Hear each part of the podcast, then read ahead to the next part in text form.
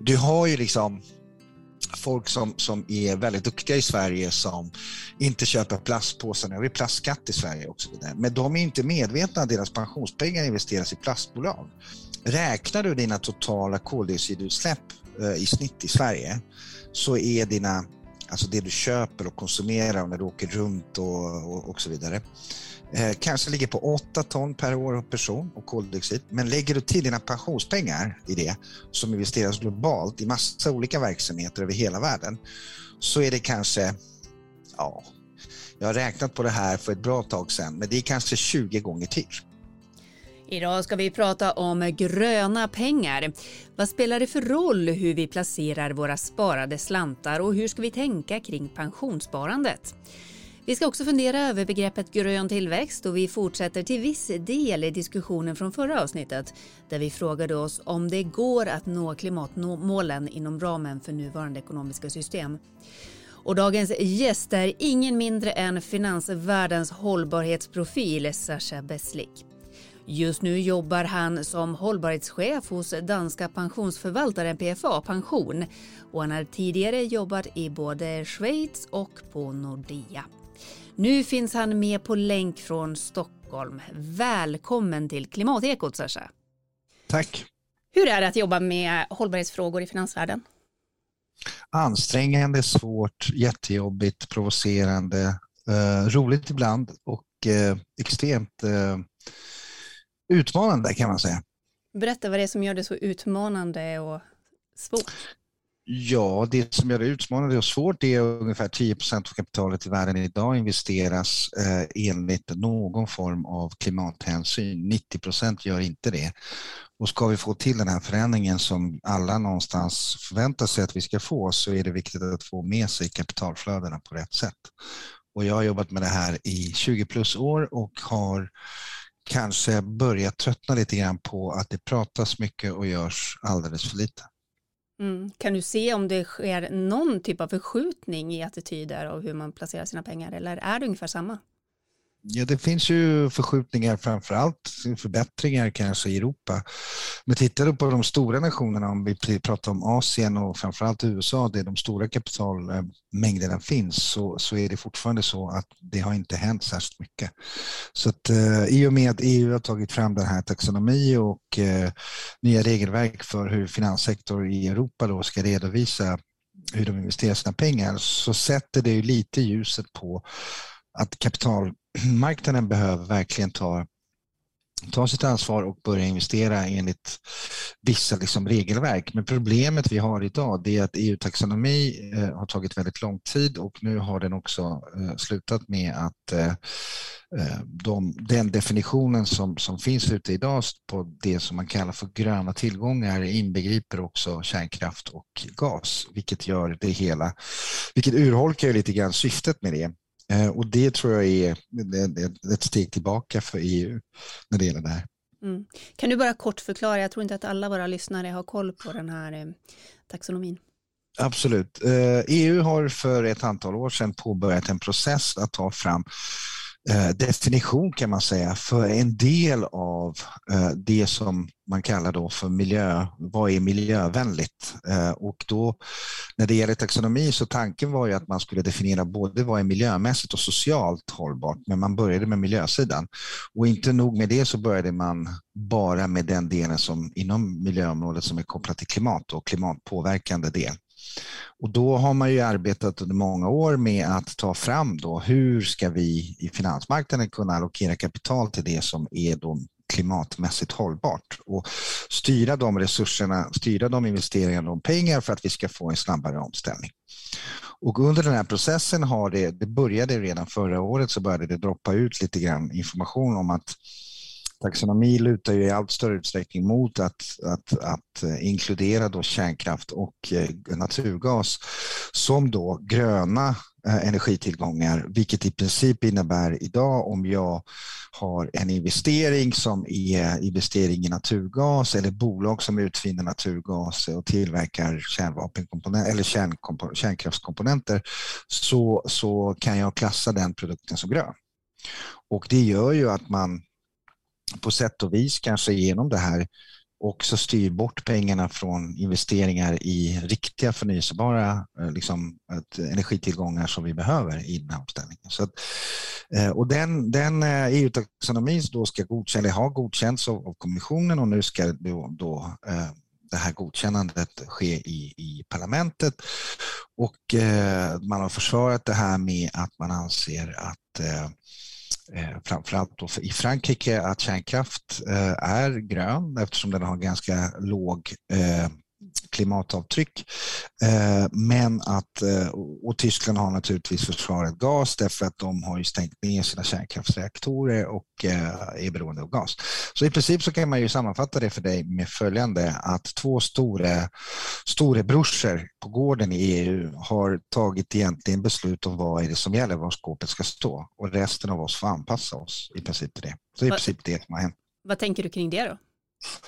Ja, men alltså, jag har jobbat med det här så länge. Jag kunde ju skönja det här redan för kanske ett och ett halvt år sedan att, att eh, kärnkraft eh, framför allt då eh, började få större och större alltså uppsving och började komma tillbaka. Eh, och det, det, är ju intressant därför att i den här omställningen som alla pratar om, tittar du på kapitalflödena då som, som investeras idag globalt, så är det fortfarande väldigt liten andel av de här kapitalflödena som kommer in till förnyelsebara energitillgångar, vilket innebär att man pratar väldigt mycket om det, men det sker inte i, i verkligheten. Och uppsving av, av kärnkraft kommer att innebära på sikt att du kommer få mindre och kanske framför allt lite mer alltså sporadiska investeringar i vind, sol och vatten, alltså vatten och olika typer av energi, eh, energitillgångar. Därför att, att eh, staterna, eh, framförallt i Europa, kommer antagligen gå in med subventioner för utveckling av det man kallar för mindre mobila kärnkraftverk. Och det kommer locka till sig privata investerare och så vidare. Och så vidare. Så det här blir, liksom, det blir en ganska lång konsekvenserna av det här kan bli ganska stora. Mm. Jag läste en intervju med dig eh, på Realtidswebb där du säger att vi går mot 3,4 graders uppvärmning om man tittar på världens börser idag. Ja. Hur, eh, vad grundar du det på? Vi gjorde en, eh, när jag jobbade i Schweiz för, för ett år sedan ungefär så, så tog vi fram det vi kallar för klimat eller temperaturpunkter för 6 000 bolag globalt som är börslistade.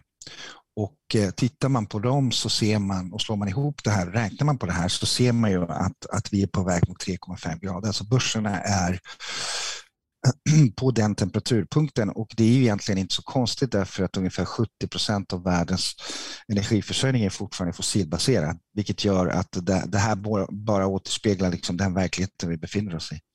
Mm. Du har också sagt att det är fel på det ekonomiska systemet. Oh ja, jag har sagt många saker. Det är trevligt att du har eh, eh, plockat upp det. Jo, eh, det är så här att vår nuvarande marknadsekonomiska kapitalistiska systemet tar inte höjd eller hänsyn till det man kallar för externaliteter. Det är allt det här som du och jag anser eh, är fint och vackert, till exempel eh, ren luft och eh, alltså tillgång till naturen och eh, vackra liksom, bäck och floder och hav som vi har och så vidare. Utan det, det är någonting som eh, är utanför det ekonomiska systemet, men som man använder, det ekonomiska systemet använder sig av för att kunna skapa den tillväxt som vi behöver för att vi ska kunna köpa saker som vi inte behöver. Och då är det utgångspunkten i, i den kritiken som jag har, handlar ju om att vi har ju ett, ett icke hållbart ekonomiskt system som i grunden bygger på konsumtion eh, och tillväxt. Eh, och det tror jag inte rimmar egentligen med de planetära gränser som vi, eh, som vi alltså måste relatera till. Och den enda anledningen att folk i Sverige eller på andra platser i världen inte kanske känner av det här därför att vi tillhör den kanske en procentaren i världen som har det så förspänt att vi inte behöver tänka på det här utan konsekvensen av det här är outsourcade liksom till Eh, Eh, andra människor i utvecklingsländer framför allt och på många andra platser i världen där de inte har samma tillgång till, till eh, Eh, de sakerna som vi har och inte påverkas, vi påverkas inte alls på samma sätt. Så att jag, jag anser, jag är inte på något sätt, jag jobbar ju mitt i hjärtat av det marknadsekonomiska systemet i finanssektorn och eh, anser att, att kapitalismen och marknadsekonomi kan utvecklas och bli någonting annat. Vi behöver en större berättelse kring vad är det vi vill? Och det tror jag är någonting som saknas idag. Vad är det du tänker behöver förändras då? Vad ser du framför dig? Vad behövs? Ja, men vi kan, eh, alltså, istället för att prata, vi pratar hela tiden, vi pratar om utsläppen, den debatten, du och jag spelar in det här, debatten om bensinpriserna i Sverige och så vidare och ska med, nu, nu ska det bli subvention eller inte och klimat, det är lite hyckleri, liksom för några år sedan så var alla parti, partier i Sverige klimatpartier och nu är det kanske bara någon enstaka kvar som, som behåller någon form av liksom värdighet i relation till det som behövs göras. Så att, vad är det som behövs? Vi behöver ha en, en, en kanske lite nyktrare syn på vad är det liksom, vad är det vi vill när det gäller det ekonomiska systemet? På vilket sätt vill vi att den ska främja eh, utvecklingen av människor? Inte bara materiellt utan också på andra plan. Eh, och eh, framförallt kanske använda andra incitamentsmodell för att skapa den förändringen. Alltså ett sätt att förändra det här till exempel skulle kunna vara att eh, ändra aktiebolagslagen eh, i de bolag eh, i, i lagstiftningen. För att i dagens bolags, alltså lagstiftning eller aktiebolagslag som vi har så är ansvaret som styrelse och vd har eh, eh, stipulerat på det sättet att det främjar ju bara kortsiktiga saker och eh, tar ingen höjd eller hänsyn till vare sig klimataspekter eller den mänskliga faktor som är kopplat till, till påverkan. Så att, om du tänker så här, det underliggande systemet som vi använder för att attackera eller hantera klimatförändringar är inte det, det är helt simpelt så att den inte är kompatibel. Vi använder en hammare för att hantera eh, en kristallkrona liksom, istället för att använda helt andra saker. Och det gör ju att det blir på något sätt uh, mismatch i förväntningar. Det blir ju liksom, förväntningar blir ju helt felställda för att de har ett system, den system som vi har, givet de förutsättningar med kortsiktighet, pumpa vinsterna till aktieägarna, återinvestera, växa, konsumera, hela, den funkar ju perfekt. Den är ju global och den, den tickar ju bara på. Och så helt plötsligt så har vi klimatförändringar som är globala och så säger vi så okej, okay, men vänta lite grann, hur ska det här systemet som har skapat det här åtgärda det. Och sättet, att göra det på, sättet vi gör det på det är att vi tänker så här, okej, okay, eh, men vi ska ju, eh, eh alla ska ha en elbil. Ehm, eller liksom, vi, vi försöker lösa det liksom med marginella lösningar utan att titta på underliggande system, alltså orsakerna. Och det tror jag behöver förändras. Den diskussionen finns inte. Den stora berättelsen om vart vi är på väg finns inte. Den finns inte i politiken, den finns absolut inte i näringslivet. Eh, det finns inte en eh, liksom, utbildningssystem vi har, för att ge det ett exempel. Eh, hållbarhet är het, jättehet på marknaden. Alla är hållbara. Liksom alla jobbar med hållbarhet. Och så går man in på, om man nu pratar om ekonomiutbildningar, och så ser man att ja, man lär ut samma typ av eh, systemteori och praktik som man gjorde för 40 år sedan. Eh, så i princip så innebär det att de människor som kommer ut på arbetsmarknaden som är ekonomer, finansanalytiker och så vidare måste omprogrammeras liksom tre år till för att kunna fatta att, att allt som, som företaget gör och hur man värderar bolag kanske inte är precis det de har lärt sig. Eh, så att vi måste förändra utbildningsväsendet. Vi måste liksom titta på underliggande strukturer som aktiebolagslagen. Vi måste titta på hur företag redovisar sin verksamhet till allmänhet till aktieägarna. I dagsläget så har du finansiell redovisning så, så det vore det otroligt intressant om svenska bolag eller andra bolag i världen kunde ha en klimat, klimatbalansräkning. Att vi tittar på liksom, inte bara den finansiella balansräkningen utan klimatbalansräkningen. Eh, det, det, är några av de sakerna som, som vi skulle kunna göra. Det finns naturligtvis mycket mer. Sen finns det de som säger att om vi börjar så kommer det missgynna svenska bolag. Nej, jag är inte så övertygad om att det kommer bli så. Jag tror att Sverige kan bli en ledande liksom, regionalkraft i framtiden. Men vi får inte liksom, ge upp eh, i att liksom, försöka utveckla det vi gör till någonting bättre. Men det är ju ändå ett globalt ekonomiskt system som styr hela våra liv. Är det rimligt att ja. tänka att man kan förändra det här?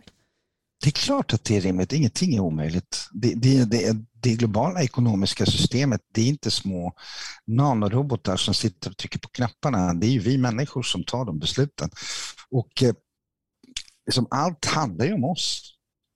Alltså berättelsen om framtiden handlar om oss, det handlar inte om någon annan. Berättelsen om varför vi har det här problemet, det handlar också om oss. Så att någonstans så måste vi börja. Och det är klart att när man börjar tänka på det så, så låter det utopiskt, men vi har egentligen inte så många val. Eh, ska jag kunna titta på mina barn i, alltså i mina barn i ögonen så måste jag någonstans känna att ja, men jag har försökt göra det jag kunnat och jag hoppas att alla andra gör det. Mm. Om jag säger grön tillväxt, vad säger du då? då? Bullshit. Det finns ingenting som, som, som är grön tillväxt. Och det är, anledningen att det här har blivit, liksom, det har blivit nästan som en klatschig reklam-PR-ord. Liksom. Ehm, eh, tillväxt, visst, tillväxt på olika sätt kan vara bra. Den kan vara till och med hållbar. Men om tillväxt ska vara hållbar så ska världen växa med kanske mellan 2,5 och 3 procent per år. Eh, säg det till en, bo, en bolagsledning liksom i ett stort företag eh, i världen att de ska växa med bara med 2,5-3 procent. Då kommer det uppstå liksom katastrof. Eh, aktiekursen kommer gå ner, eh, dina pensionspengar kommer drabbas. Som, det är som en dominoeffekt liksom, i det här. Så att eh, grön tillväxt i, på en planet, det, som jag in, initialt sa till dig, 70 procent av energiförsörjningen är fortfarande fossilbaserad, är ju liksom inte trovärdig. Mm. Eh, jag sitter ju i Umeå just nu eh, och det händer ju väldigt mycket här i norra Sverige och yep. eh, vi gillar att slå oss på bröstet och säga att eh, Norra Sverige är ledande i den gröna omställningen, smutsiga industrier ska bli gröna, vi har det ska bli ett batteribälte och så vidare. Eh, ur din synvinkel, är det här en grön omställning som pågår just nu i norra Sverige? Ja, det finns ju eh, många bra initiativ i norra delen av Sverige. Jag har varit uppe i Skellefteå och tittat på den här fabriken och eh, tittat på och pratat med de ansvariga kring batteriåtervinningen och hela den biten. Det som, som är bra, det är att det finns att det är så stor, otroligt stor fokus att folk har börjat få upp ögonen att det här faktiskt kan skapa långsiktiga liksom, lösningar, ekonomiska lösningar för vissa regioner. Men det finns ju en del frågetecken, till exempel kommer vi kunna konkurrera med, eh, med den utvecklingen som finns på andra platser i världen? Eh, och kommer vi kunna vara lika snabba? Eh, sen när det gäller energiförsörjningen, eh, och då måste du tänka, du ställde fråga till mig tidigare om kärnkraft. Nu eh, i och med att kärnkraft är klassad som grön tillgång så är det bara att importera kärnkraft från Finland för att kunna mata batterifabrikerna med energi. Eh, och därmed så löser man ju det problemet som till exempel Norrvolt har haft i Skellefteå, hur man ska liksom ta en tredjedel av energiförsörjningen för Sverige för att kunna liksom utveckla de här batterierna. Så på det sättet så tror jag att ja, det finns många positiva tecken, men sen när det väl kommer till kritan och gruvor ska liksom öppnas upp och eh, alltså ursprungsbefolkningens rättigheter ska åsidosättas och Eh, det finns ju liksom andra frågeställningar eh, som dyker upp, så det här kommer inte vara det man kallar för walk in a park. Alltså det kommer att ställa rätt många nya frågor som Sverige inte var att hantera. Mm. Men du, vi ska hinna prata om det privata sparandet också. Eh, I Insight Intelligence rapport Svenskar och hållbarhet 2021 så svarar 29 procent att de sparar i hållbara fonder redan idag och 27 procent kan tänka sig att göra det. Vad spelar det för roll om våra pengar är i hållbara fonder eller inte? Ja, det har ju en, två, det är två aspekter på det här. Det första är att det, det, skick, det, det har ju ett, ett, ganska stort symbolvärde i termer av att investerar man i, i hållbara fonder idag Eh, jag får återkomma till vad är, vad är problematiken, men alltså det har ett symbolvärde såklart, därför att då kan ju den förvaltare, eller den bank eller kapitalägare liksom, som, som har den här typen av fonder eh, sätta press på, på de bolag man investerar i för att de ska ställa om sin verksamhet. Så det spelar ju roll. Eh, sen spelar det roll utifrån ett privat perspektiv därför att räknar du dina totala koldioxidutsläpp eh, i snitt i Sverige så är dina alltså det du köper och konsumerar när du åker runt och, och, och så vidare. Eh, kanske ligger på 8 ton per år och person och koldioxid. Men lägger du till dina pensionspengar i det som investeras globalt i massa olika verksamheter över hela världen så är det kanske, ja, jag har räknat på det här för ett bra tag sedan, men det är kanske 20 gånger till.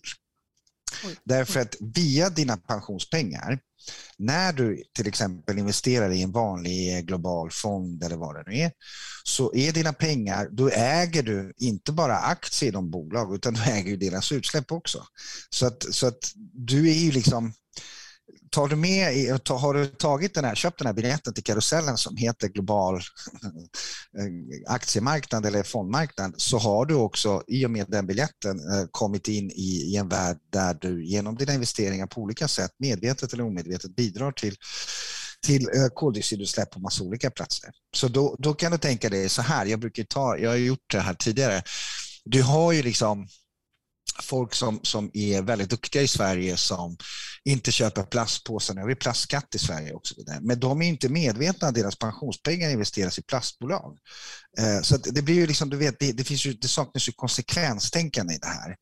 Eh, så det, det, symbolvärdet är viktigt. Sen finns det ett annan, en annan aspekt som också är ganska viktig och det är att man kan faktiskt tjäna bättre, man kan få bättre avkastning. De här fonderna har visat sig under ganska många år, inte alla, inte alla, vissa Eh, som är, som är riktigt bra och förvaltas på ett bra sätt kunna ge ganska bra avkastning. Jag har ju förresten alla mina pengar i den typen av fonder och jag har inte klagar inte och är liksom rätt långsiktig i hur, hur jag investerar liksom mina pensionspengar. Eh, så att det finns det är symbolvärdet och det är liksom avkastningen. Sen den tredje saken, det är att det är svårt för, för vanliga privatpersoner, konsumenter, att verkligen avgöra om en produkt är hållbar eller inte. Därför att, eh, och det, det gäller ju alla aktörer i Sverige.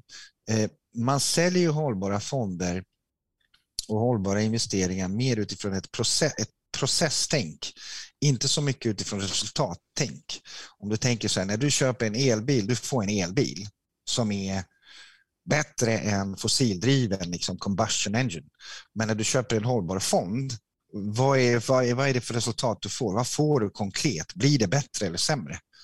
Eh, och det är någonting som jag tror att den här hållbara investeringsbranschen kommer att ställas till svars i allt större utsträckning de närmsta två, tre åren. Därför att folk kommer att bara tröttna på att du köper en process och vi tittar och vi pratar och vi för dialog och så vidare. Istället så vill man ju ha, okej, okay, min fond har bidragit att minska så här mycket. Sen finns det en teknikalitet i det här som du inte får glömma. Så att om du tänker dig så här att du har Säg att du avsätter, vi är lite, låt oss vara lite ambitiösa, så säger vi att du har 100 kronor, vi säger bara alltså 100 spänn, och så säger vi 30 avsätter du till hållbara fonder och 70 investerar du lite utanför hållbarhet. Så då måste du tänka på volymerna. Så 3 kronor, eller 30 kronor, bidrar positivt till att ett företag ska ta sitt ansvar, medan 7 eller 70 kronor, 70 procent, bidrar att de ska bara leverera vinst. Och det är det här som är grejen. För du måste ju ha all, hela kapitalet måste jobba på, åt samma håll, annars så blir det ju ganska kontraproduktivt. Så om du tar en stor bank eller stora banker i Sverige och så frågar de så här, hur stor andel av er totala kapital förvaltas hållbart? Då är den siffra kanske ligger på, vad kan det ligga mellan 10-15 procent, varav resten investeras precis åt andra hållet, så effekten av det blir ganska liten. Men jag är ingen expert på aktiemarknaden så och på börsen, men är det egentligen så simpelt så att säg att vi alla skulle placera våra pengar hållbart så är det bara de företagen som överlever. Om det är 100 procent som skulle göra det, då blir det ju så att för de andra företag som inte är hållbara, då blir det mycket svårare att låna pengar på marknaden, alltså kapitalisera sig, vilket gör att de kommer drabbas av, eh, de kommer ha högre priser, kommer inte kunna konkurrera alls, så kommer de gå i konkurs på sikt. Alltså. Mm. Mm. Men om jag då ska se över vart jag har placerat mina pengar någonstans, eh, då kan man ju gå in och så kan man titta på vad som klassas som, man kan ju ofta sortera så här att jag vill ha en hållbar fond exempelvis. Eh, kan man lita på det här då? Kan jag lita på den här märkningen att det här är en grön fond? Ja, men saken är, ja, både ja och nej. Jag skulle, vilja, jag, jag, skulle som konsument vara väldigt kritisk alltså till alla typer av märkningar därför att de finns ju där av en anledning. Ofta så ska det göra det enklare för dig men Problemet med det här är att du som konsument behöver spendera eller tillbringa väldigt mycket tid för att kunna liksom läsa mellan raderna i det här. Har du en hållbar fond som har en avkastningshorisont liksom, på ett år, då ska du inte investera pengar i den. Av den enkla anledningen därför att de hållbarhetsaspekter som du ska liksom, som förvaltare adressera mot bolag ger ju ingenting på ett år. Det måste vara en fond som har kanske tre till fem år och då börjar det bli mer seriöst. För då har man ju tid som förvaltare också att trycka på och sätta liksom, få ner vissa av de här sakerna. Ehm, så det finns ju saker som du som, som, som alltså privatperson, det finns ju några tips som man kan liksom få på vägen för att kunna avgöra eh, vad är vad. Och sen är det ju så att att eh, finansmarknaden är ju skickliga på att liksom paketera de här sakerna och det gör ju att det blir svårare för dig att jämföra. Därför att om det inte finns en standard, då är det väldigt svårt att jämföra om du tar bank A bank B och så kan bank A säga ja, ja, visst, men vi gör hållbarhet på det här sättet. Och de gör det på det där sättet och då blir ju, hur ska du som kund eh, kunna utvärdera det? Det blir väldigt svårt. Vad har du för tips då till mig som kund? Jag vill inte sälja min bok. Eh, men jag har eh, skrivit om det här. Tipsen är att, att titta på um, dels investeringshorisont, hur många år. Titta på om förvaltare får sin bonus utbetalad eh, för den förvaltningen eh, på årlig basis eller efter en längre tid. Eh, titta på om fonden redovisar tydliga resultat på de hållbarhetsmål som, som anges att fonden ska förvalta. Så att om fonden ska förvaltas enligt vissa hållbarhetsprinciper, då kan man som kund säga så okej, okay, men ni skriver här att ni respekterar mänskliga rättigheter. Har de här bolagen efter ett år eller två eller tre blivit bättre på det här? Kan ni visa mig det här? Kan jag, var kan jag läsa det? Eh, så att som kund ska man bara tänka på att man man vill ha resultat i termer av avkastning och man vill ha resultat i termer av att hållbarhetsaspekterna ska vara tydligt presenterade och den informationen ska vara lättförståeligt för dem att fatta vad deras pengar har bidragit till. Mm. Jag tänker att det är ju även, det, det, krävs ju för en oinsatt eh, ganska mycket jobb att försöka, försöka förstå sig på det här när man och det, är det, här, och det är det här tyvärr, det är ju det här som är, eh, om du tänker att, att, att finansmarknaden har ett övertag i relation till privatpersoner och det övertaget är, gäller inte bara hållbarhet, det gäller ju de andra finansiella aspekterna, vilket gör ju att, att vanliga personer någonstans måste förlita sig på att, ja, men att det här på något sätt är på riktigt och det jag säger inte att det inte är, men det jag tror är att man ska vara, man ska vara ganska kritisk. Man vill inte köpa grisen i säcken och man vill ju veta nu om man är driven av och vill att ens pengar ska användas på det sättet, då ska man ju ställa krav. Och jag kan berätta en liten parentes som är ganska rolig. Eh, jag har jobbat i, bank, på banksidan i många år och när tio kunder ställer samma fråga, då är det lite stormigt. Eh, så då kan du tänka dig att kunderna ställer ju väldigt lite frågor. Ibland gör de det, men, men jag tror att vi måste också få kunderna att förstå vilken makt de har.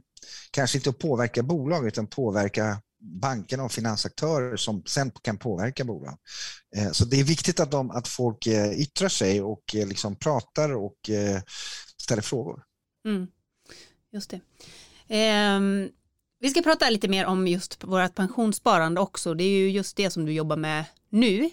Yep. Eh, om man ser till det totala pensionskapitalet, kan man se där om det är mer grönt sparat. Eller, alltså, förstår du, du pratade om att 90 procent eh, av det totala kapitalet inte ja, var grönt. Totala, och pensionskapitalet är ungefär samma sak. Det är ungefär så, samma sak. Det är ungefär samma sak. För att du har ju, när du pratar om pensionssparande så är det liksom nu är pensionsmarknaden så otroligt rolig. Jag jobbar i Danmark nu så det ser lite annorlunda ut än i Sverige. Men du har ju liksom det man kallar för livscykelsprodukter. Du har ju en traditionell pensionserbjudande och sen har du kanske olika typer av liksom, klimatrelaterade erbjudanden som är lite ljusgröna och har vissa saker som, som är intressanta och sådär.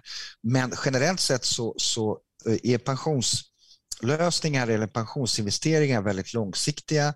Det är olika block man använder. Man använder aktier, obligationer, man använder alternativa investeringar. Man packar ihop det här så det är lättförståeligt för dig att din pension...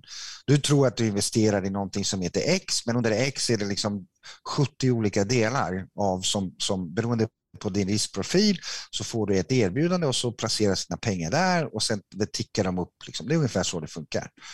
Eh, och eh, utmaningen är ju då att förändra de underliggande block som finns under paketet, liksom på aktiesidan, på företagsobligationssidan, på statsobligationssidan, för att ge dig ett exempel. Du kan ju idag välja som en sparare att gå till din pensionsförmedlare, vem det nu är i Sverige, och säga så här, ja, jag vill inte ha eh, fossila bolag i min eh, pension. Och så säger de så här, okej, okay, visst, det har vi ju. Vi, vi har inga fossila bolag här. Eh, och det är det som syns i paketet. Men sen under paketet, så för att de ska kunna le leverera den här stadiga avkastningen till dig, så använder, så använder de sig av andra eh, tillgångar, alltså statsobligationer, företagsobligationer, alternativa investeringar och massa andra saker. Så du, visst, eh, du kan få en eh, pensionssparande, pensionssparande utan fossila bolag, men det är inte uteslutet att dina pengar investeras fortfarande i länder, eh, statsobligationer från länder som är de största eh, utvinnarna av fossila bränslen i världen. Så att du förstår, liksom, det, bör, det börjar bli, liksom, nu blir den här teknikaliteten ganska jobbig därför att om du tänker att och varför är det här viktigt för folk att förstå? Eh, det finns ungefär 200 börslistade oljebolag i världen och de står för ungefär 11 procent av oljetillgångar, alltså reserver i världen. Mm. Ungefär 89 procent av reserver av fossila bränsle ägs av suveräna stater, inte av företag.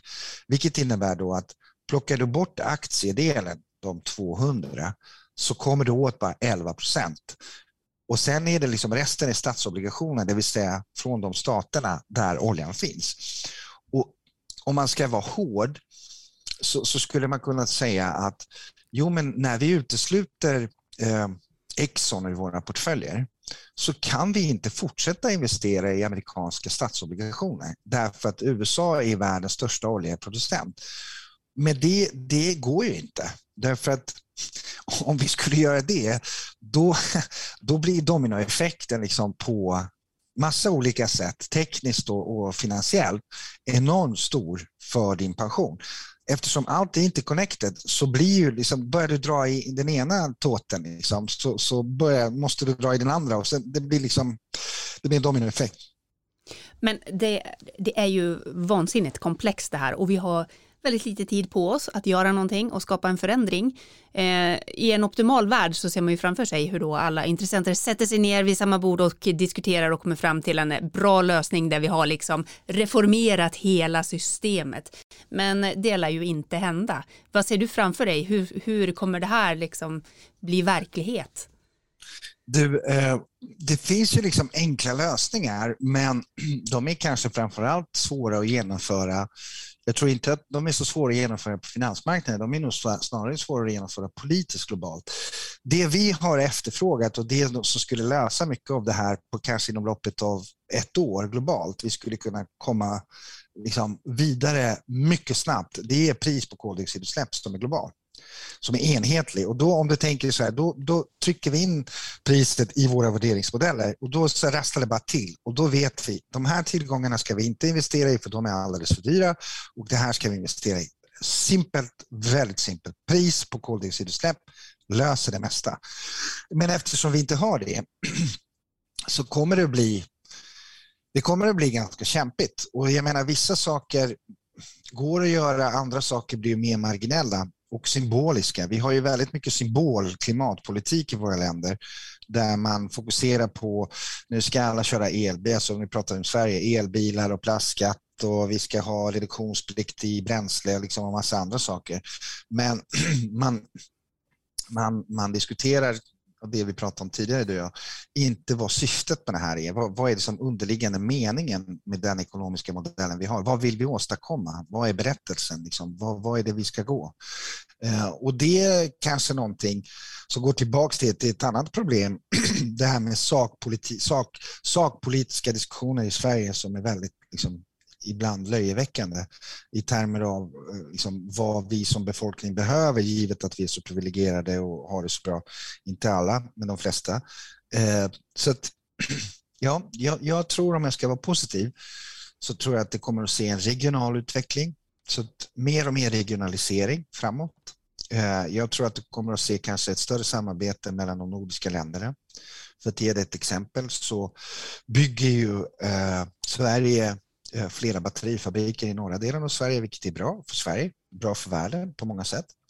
Eh, men samtidigt så ger våra grannar i väst, Norge, eh, de ger ut 700 nya olje och gaslicenser under senaste året till olika prospekteringsbolag utanför Norge. För att du måste någonstans förstå, det, det finns ju konsekvenser. Alltså här i Sverige så bygger vi batterier för att vi ska kunna bli liksom kvitt fossila bränslen i transportsektor. Våra grannar som är en och en halv timme från Skellefteå, säger vi två, eh, ger ut 700 nya olje och gaslicenser för borrning av olja och gas.